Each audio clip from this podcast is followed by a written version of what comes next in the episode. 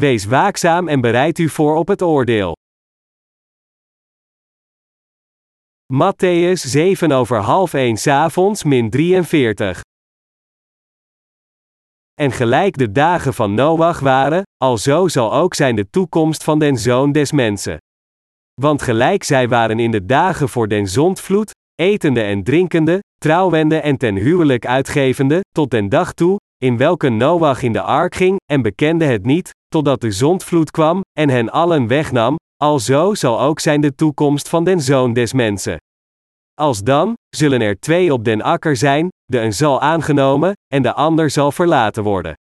Er zullen twee vrouwen malen in den molen, de ene zal aangenomen, en de andere zal verlaten worden. Waak dan, want gij weet niet, in welke uren uw Heere komen zal. Maar weet dit, dat zo de Heer des huizes geweten had, in welke nachtwaken de dief komen zou, hij zou gewaakt hebben, en zou zijn huis niet hebben laten doorgraven. Wanneer zal de tweede komst van de Heer zijn? De geschrifte passage van vandaag zegt, en gelijk de dagen van Noach waren, alzo zal ook zijn de toekomst van den zoon des mensen. Alleen de Hemelse Vader kent de dag van de terugkomst van de Heer, want het is geheim voor de Zoon zelf en voor de engelen. Daarom heeft de Heer tegen ons gesproken door middel van tekenen. Wanneer de vijgenbladeren overvloedig worden, dat wil zeggen wanneer de Israëlische natie zal worden hersteld en zodra Israël wordt gerevitaliseerd, zegt God ons dit te begrijpen als een teken dat de tweede komst van Jezus Christus nabij is. De Heer zegt ons ook dat de komst van Christus hetzelfde zal zijn als in de dagen van Noach's zondvloed. Het zijn deze twee dingen waar de Heer over spreekt. De vernietiging van de wereld zal over alle mensen komen. Echter, de Heer heeft zijn tweede komst verborgen voor de ongelovigen. Het is alleen aan zijn mensen dat hij getoond heeft dat zijn komst nabij is. Alle geschriften spreken over de redding van de zondaar, van de opname, van de hemel, het oordeel en het eeuwige leven. De Heer heeft ons verteld dat zijn komst zal zijn zoals in de dagen van Noach. Lang geleden, in de dagen van Noach, waren de mensen zich niet bewust van het oordeel van God en werden bijgevolg veroordeeld en gestraft door water. De Heer zegt dat mensen op dezelfde manier het niet zullen begrijpen en de vernietiging zullen lijden wanneer Hij terugkomt. Door de dag van de terugkomst van de Heer niet te beseffen en ook niet de genade van God te accepteren, waardoor ze de vergeving van hun zonden ontvangen, zullen ze het oordeel ondergaan. Laten we proberen te begrijpen in welke toestand de oud-testamentische mensen van Noach's tijd zich bevonden en aan wie Gods oordeel en vernietiging viel. Genesis 6 vers 5 tot 7 zegt, en de Heere zag, dat de boosheid des mensen menigvuldig was op de aarde, en al het gedichtsel der gedachten zijns harten te allen dagen alleen boos was. Toen berouwde het den Heere, dat hij den mens op de aarde gemaakt had, en het smarte hem aan zijn hart. En de Heere zeide, ik zal den mens, dien ik geschapen heb, verdelgen van den aardbodem, van den mens tot het vee, tot het kruipende gedierte, en tot het gevogelte des hemels toe, want het berouwt mij, dat ik hen gemaakt heb. De Bijbel zegt dat de zonden van de mensen in de dagen van Noach groot waren. Dit betekent dat als de zonden van de wereld groot zijn, het einde zal komen. Hoe is de wereld waarin u en ik leven? Zijn de ongerechtigheden groot? Of is het een rechtvaardige en morele samenleving? De wereld waarin we nu leven is echt vol van zonde. Zelfs binnen de regels en de orde van zijn wetten, is de wereld nog steeds vol van zonde. Het is tijd dat Gods oordeel op deze wereld valt. Daarom moeten u en ik ons haasten om een manier voor te bereiden om het oordeel te vermijden. God vernietigde de wereld in de tijd van Noach met water. Met uitzondering van de acht familieleden van Noach, werd iedereen veroordeeld. Hij veroordeelde zelf alle levende wezens die ademhaalden. De mensen toen leefden levens die gebonden waren aan zonde. De plannen en gedachten van iedereen waren altijd slecht. De Heer heeft ons dit feit al verteld, maar zelfs de historici zeggen dat zoals Sodom en Gomorra in de dagen van Abraham, Genesis 19 vers 5, er veel homoseksuelen in de tijd van Noach waren. De Bijbel vermeldt dat in Sodom en Gomorra mannen overspeel pleegden met mannen en vrouwen met vrouwen, en dus veroordeelde de Heer met vuur en zwavel. Het woord sodomiet is afkomstig van Sodom. De zonde was te ongebreideld en wijdverbreid in Noachs tijd. Het is normaal dat een man met een vrouw leeft. Het is normaal dat een vrouw haar man koestert en voor de man om van zijn vrouw te houden. De zonde was zo groot in Noachs tijd dat de mensen van die generatie alleen maar plezier en nog erger, extreem hedonisme nastreefden. Anders gezegd, ze overschreden de grenzen van moraliteit om te genieten van de lichamelijke genoegens die God ons had toegestaan en streefden naar een veel extremer plezier. Dit is hetzelfde fenomeen in deze tijd. Een kardinaal van de katholieke kerk zei: We moeten de homoseksuelen niet haten. We hebben niet het recht om hen te haten, waarmee hij hen verdedigt, en in een ander geval deed een bepaalde presidentiële kandidaat van de Verenigde Staten tijdens zijn campagne een openbare belofte toen hij tegen het volk zei: Als ik president word, zal ik homoseksuelen erkennen. Zelfs in mijn land, Zuid-Korea, wordt er gezegd dat er veel homoseksuelen zijn. De vernietiging van Sodom en Gomorra, het oordeel dat viel op al de mensen in het tijdperk van Noach's zondvloed, zal ook in de toekomst waar zijn bij de wederkomst van Christus. Momenteel nemen homo's en lesbiennes in de wereld snel toe. Natuurlijk moeten zij ook de vergeving van hun zonden ontvangen, maar dit zijn het soort mensen waar God een grote afkeer aan heeft. God houdt niet van hen omdat ze zijn goddelijke voorzienigheid en de wetten die hij heeft vastgesteld ontwrichten. De slechtheid van de wereld is groot. Maar de Heer zei, zoals in de dagen van Noach, zo zal mijn tweede komst zijn. Ja, dit is juist. Als de ongerechtigheden van de wereld groot zijn, zal onze Heer snel komen. De wereld van vandaag is zo'n generatie. We moeten daarom alert zijn. Diegenen die niet alert waren, aten, dronken, trouwden en werden uitgehuwelijkt tot de dag dat Noach de ark binnenging en de zondvloed hun levens wegnam. Zelfs als de dag des oordeels morgen zou zijn, zullen mensen lachen zolang het weer vandaag rustig is en er eten is. De Bijbel zegt dat deze mensen zijn als de beesten, die vergaan, Psalm 49 op 21. Een varken dat morgen wordt geslacht, zal vandaag heel gelukkig zijn als het voedsel krijgt. Beesten zijn zo. Mensen die zich niet bewust zijn van de tijd, zijn net als die beesten en zullen het niet begrijpen tot de dag dat ze vergaan. Ze kunnen de komst van de Heer en zijn oordeel niet begrijpen. Echter, diegenen van ons die zijn wedergeboren moeten zich bewust zijn van de tijden, en we moeten ons voorbereiden op de toekomst. We moeten kritisch nadenken over de wereld van vandaag en leven in voorbereiding op de toekomst. Er wordt beweerd dat ongeveer een miljard mensen op deze wereld honger lijden. In het zuiden van Antarctica is een ijsberg ter grootte van het Jeju-eiland afgebroken en drijft omhoog op de stroming van de oceaan. Hierdoor is het zoutgehalte van het zeewater aan de polen gedaald, waardoor het marine ecosysteem in groot gevaar komt. Omdat de ijsbergen aan beide polen snel smelten, is het oppervlaktewaterniveau toegenomen en er wordt gezegd dat er een grootschalige atmosferische afwijking zal komen. Dit is de reden waarom er waarschuwingen zijn tegen de opwarming van de aarde en waarom er inspanningen zijn tegen milieuvervuiling die het smelten van ijsbergen veroorzaken, waardoor uiteindelijk de hele kust van elk continent kunnen overstromen. Tegenwoordig is het klimaat over de hele wereld ronduit slecht. Droogtes zijn over de hele wereld ernstig. Over de hele wereld zijn ook ernstige klimatologische onregelmatigheden. Tyfoons komen niet meer alleen in een bepaald seizoen voor, maar ze komen voor in tijden van het jaar waarin tyfoons normaal gesproken niet voorkomen. De theorie dat tyfoons alleen op zee kunnen ontstaan, is weerlegd omdat ze zich ook op het land hebben voorgedaan. Ook gebeuren aardbevingen te vaak. God zei dat naarmate de natuurrampen vaker voorkomen, de wereld sneller zou moeten worden ontmanteld omdat het einde van de wereld niet meer ver weg is, moeten we het evangelie met meer ijver verspreiden, nu dat we nog wat tijd hebben. Als er geen voedsel is om te eten, kunnen mens en dier dan leven? Wat gebeurt er als er geen water is?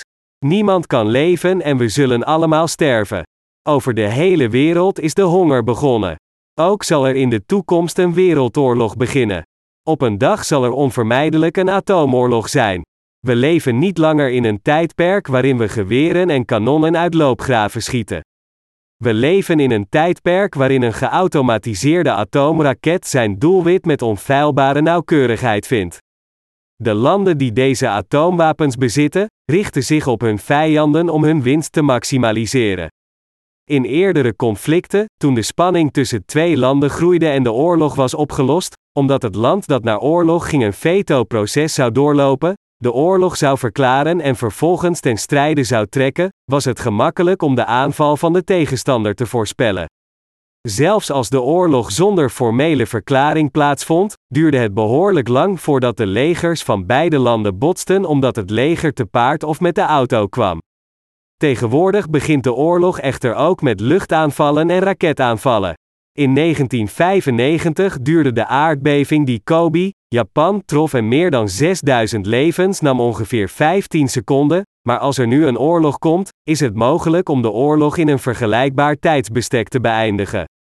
We moeten dus niet langer denken aan oorlog in termen van de verouderde vorm van oorlog die dagenlang duurde. De overwinning wordt beslist in 10 of 20 minuten.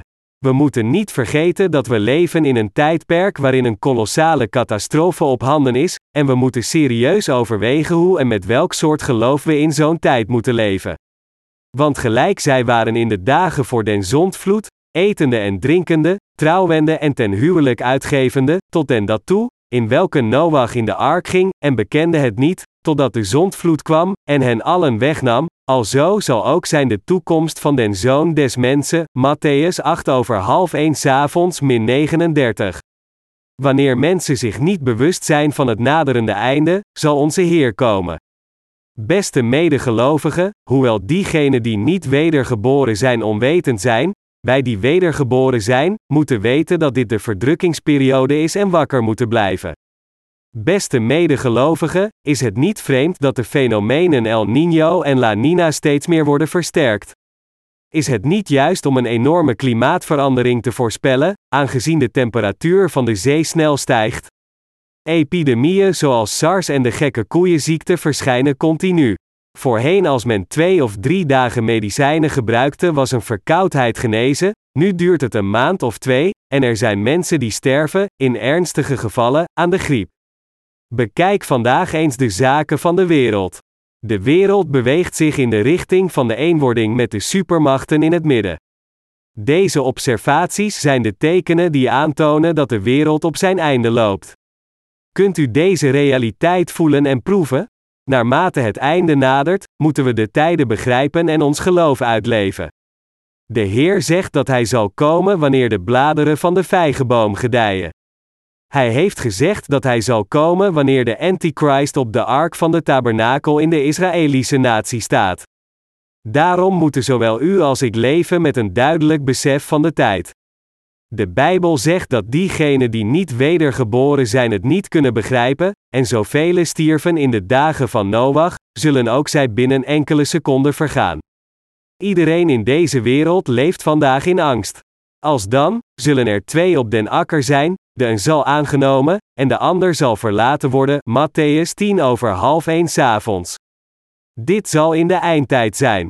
Als we niet langer in staat zijn het evangelie te verspreiden en de zevenjarige periode van de verdrukking begint, ongeveer halverwege deze periode, zal de Heer diegenen opnemen die wedergeboren zijn. Hij zei dat er twee mensen op het veld werken, de een zal worden opgenomen en de ander zal achterblijven. Beste medegelovigen, de opname zal een ware gebeurtenis zijn. Het verwijst naar de 3,5-jarige periode van de zevenjarige verdrukking. Het is dan dat twee mensen werken in het veld, de ene zal worden opgenomen terwijl de ander achterblijft. Beide, diegenen die wedergeboren zijn en diegenen die niet zijn wedergeboren bestaan en leven in de wereld. Te werken in het veld betekent werken in de wereld. We leven hetzelfde leven, doen zaken, gaan werken en leven ons geloofsleven. Toch werd vastgelegd dat de ene persoon zal worden opgenomen terwijl de ander achterblijft, zodat mensen met hun eigen ogen de opname zullen zien waarvan ze eerder alleen hadden gehoord, en diegenen zonder zonde zullen worden opgenomen terwijl diegenen met zonden achterblijven om alle ellendige beproevingen te doorstaan. Diegenen die niet zijn wedergeboren zullen achtergelaten worden. Onze Heer zal komen wanneer de corruptie van de wereld groot is, zoals in de dagen van de zondvloed van Noach, en als we gedurende die tijd in de wereld leven, zullen we worden opgenomen. Diegenen zonder zonde zullen voor God worden gebracht. Dit gebeurt niet omdat het ons verlangen is, maar omdat het Gods wil is. Echter, diegenen die niet zijn wedergeboren zullen achtergelaten worden. Mensen zullen zich dan realiseren: oh, het was waar, maar dan is het te laat. Alleen als u het evangelie van de vergeving van zonden accepteert, dat wil zeggen, het evangelie van het water en de geest, zult u gered worden van de vernietiging in de eindtijd. Als u het evangelie van waarheid afwijst, zult u in de eindtijd vernietigd worden. Nu is de enige kans om het evangelie te verspreiden of de vergeving van zonde te ontvangen, want zodra de eindtijd is begonnen, zal er geen tweede kans meer zijn. Als u het evangelie nu accepteert, zult u gered worden. Maar als u het evangelie afwijst, zal voor u alles eindigen.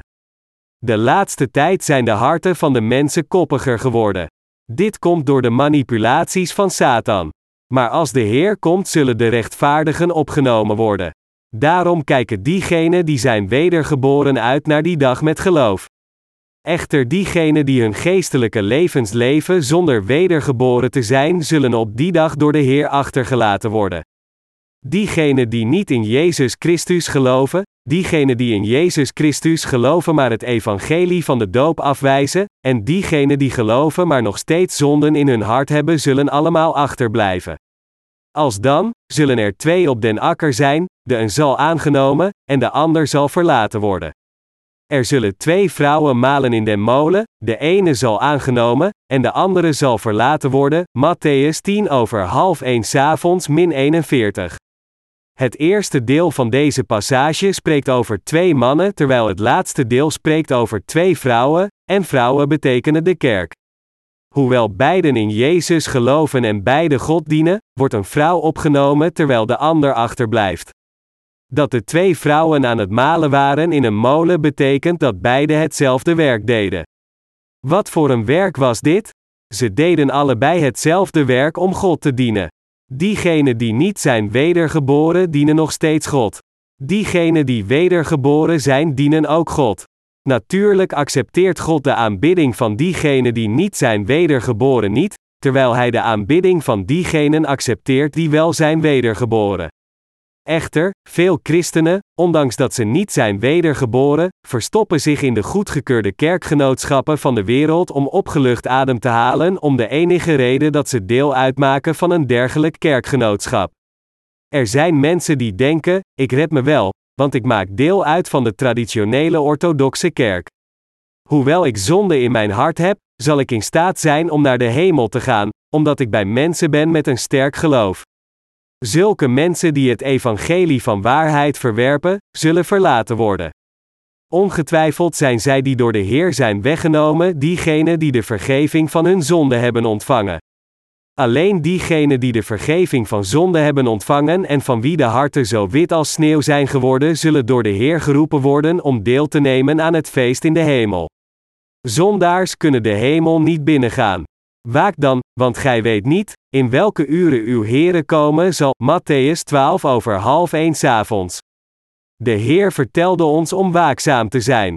Diegenen die leven in de eindtijd moeten waakzaam zijn en in voorbereiding leven. Dit is net zo belangrijk als het verspreiden van het evangelie. In de eindtijd is het belangrijk dat we goed weten in welk tijdperk we leven, zodat we voorbereid zijn op de komende vervolging en verdrukking. Diegenen die waakzaam zijn beseffen dat er niet veel tijd meer over is en zijn goed voorbereid in hun hart en geloof. Ze regelen ook hun leven op deze aarde. Als een persoon weet wanneer de dief komt, zal hij waakzaam zijn, en een verdedigingsplan hebben en zal hij voorbereid wachten. Diegenen die echt geloven en zich ervan bewust zijn dat de Heer zal komen, hamsteren geen schatten op deze aarde en richten hun harten niet op deze aarde. We moeten leven voorbereid op de eindtijd. We moeten waakzaam zijn. In ons geloofsleven moeten we niet de mensen worden die slapen, maar mensen die klaarwakker zijn. In deze eindtijd zijn er echter meer mensen die slapen dan diegenen die wakker zijn. Onder diegenen die wedergeboren zijn, zijn er twee soorten overtuigingen. Tot de allerlaatste dag verspreidt de persoon die wakker is het evangelie en leeft hij zich voorbereidend op die dag. Onder diegenen die zijn wedergeboren, drijven de mensen die sluimeren mee met het tij van de wereld. De mensen die wakker zijn richten hun harten niet op deze wereld alsof zij nog een paar duizend jaar te leven hebben. Om leven te hebben, moeten diegenen onder ons die wedergeboren zijn door het evangelie van het water en de geest wakker blijven in de laatste dagen. We moeten geen huis op aarde voorbereiden, maar in plaats daarvan moeten we voorbereid zijn op een huis in de hemel. Zo iemand is een wijs persoon. We moeten allemaal wijze mensen worden. Onder de gelovigen vinden diegenen die wakker zijn dit en dat van de realiteit niet belangrijk. Ze overwegen de komst van de Heer en denken: welk leven van geloof moet ik tot die dag leven en hoe lang zal ik nog leven? Hoeveel decennia zijn er nog voor het einde van de wereld? Of hoeveel jaren blijven er nog over? En met dergelijke berekeningen realiseren ze zich dat er niet veel tijd meer is om te werken en dus volgens het geloof te leven. Dit is een persoon die wakker is. Van de andere kant, een persoon die de stroming van de wereld volgt alsof hij nog duizend of miljoenen jaren te leven heeft, slaapt nog steeds ondanks dat hij is wedergeboren door te geloven in het evangelie van het water en de geest. Waak dan, want gij weet niet, in weken uren uw Here komen zal. We moeten ons voorbereiden als we wakker blijven. We moeten ons van tevoren voorbereiden. We moeten wakker zijn en ons voorbereiden. Begrijpt u dit? Van diegenen hier die alleenstaande mannen of vrouwen zijn, de mensen die oud zijn zullen trouwen voordat de Heer komt, maar er zullen mensen zijn die dat niet doen. Als de Heer later komt, gaat u trouwen, en als de Heer vroeg komt, kunt u dat niet doen. Denk hier eens over na, maar denk er niet meer of minder aan. Dit is geestelijk wijs. U en ik moeten onze harten niet richten op deze aarde, maar in plaats daarvan moeten we onze harten richten op de Heer en ons blijven voorbereiden. Wat moeten we voorbereiden? We moeten ons geloof voorbereiden, en we moeten onze harten van tevoren aan de Heer opdragen, terwijl we nadenken over datgene wat we zullen doen en hoe we de Heer zullen ontvangen als Hij komt. Dit wil zeggen dat we ons moeten voorbereiden om de Heer te ontmoeten als we een geestelijk leven van geloof leiden. We moeten dit voorbereiden omdat wij zijn wedergeboren. Omdat we zijn wedergeboren, moeten we wachten op de Heer. Omdat de Heer onze Heer is, moeten we op Hem wachten. Omdat Hij komt zodat wij samen met Hem in de hemel kunnen leven, moeten we voorbereid leven. Als de kerk zich niet voorbereidt, is dit echt dwaas. Als een bepaalde kerk van God geïnteresseerd is in het bouwen van een grotere kerk, dan is dit onverstandig. Begrijpt u dit? Het is dwaas voor een wedergeboren persoon om aandacht te besteden aan succes in de wereld en om geld te verdienen. De persoon die zich wijselijk voorbereidt terwijl hij op de Heer wacht, zal zijn werk voor het evangelie doen, zijn sociale leven voor het evangelie leiden, en ook de rest van zijn leven voor het evangelie leven. Hij die zo'n leven voor het evangelie leidt, is de persoon die waakzaam is, en het is deze persoon die doet wat de Heer behaagt terwijl hij wacht en zich voorbereidt op de komst van de Heer. Mijn medegelovige, wees niet teleurgesteld dat u geen eigendommen op deze aarde hebt. Wees niet verdrietig omdat iemand dit of dat heeft. Het is misschien jammer dat we door een gebrek aan geld de Heer niet meer kunnen dienen, maar een tekort aan geld betekent niet dat we de Heer helemaal niet kunnen dienen. Zelfs zonder geld kunnen we het evangelie verspreiden, bidden en de Heer dienen. Maak u daarom geen zorgen omdat u arm bent, gebrekkig of onbekwaam. In plaats daarvan moeten we wijze dienaren worden die zich voorbereiden als we bedenken hoe we het evangelie kunnen volgen en we het goede nieuws aan meer mensen kunnen verspreiden. Laten we mensen worden die zich voorbereiden om de Heer te ontmoeten, zodat we Hem horen zeggen wanneer Hij komt: Goed gedaan, goede en trouwe dienaar, u bent getrouw geweest over een paar dingen, ik zal u heerser maken over veel dingen. Beste medeheiligen, we zijn geen congregatie die hier is om grotere kerken te bouwen. We zijn een congregatie die er alleen naar verlangt om het evangelie van het water en de geest ijverig over de hele wereld te verspreiden. In dit tijdperk moeten we de vergeving van zonden ontvangen, ons geloof voorbereiden en waakzaam leven. We moeten ons voorbereiden om naar de hemel te gaan. Begrijpt u dit? Naarmate het einde nadert, moeten we ook niet afzien van ons samenkomen, zoals de manier van sommigen is, Hebreeën 10 vers 25. We moeten vaker samenkomen. Aangezien het einde nabij is, moeten we vaker bijeenkomen. Om ons leven te behouden moeten we vaak samenkomen. Om ons geloof op de juiste manier voor te bereiden, moeten we vaak samenkomen. Beste medeheiligen, hoewel we vervolgd en beproefd zullen worden, zal onze Heer spoedig komen. De tijd die we nog hebben om het werk van de Heer te doen, is niet lang. Binnen korte tijd zal de Heer zeker komen en laten we ons daarom op die dag voorbereiden. De Heer zal spoedig komen.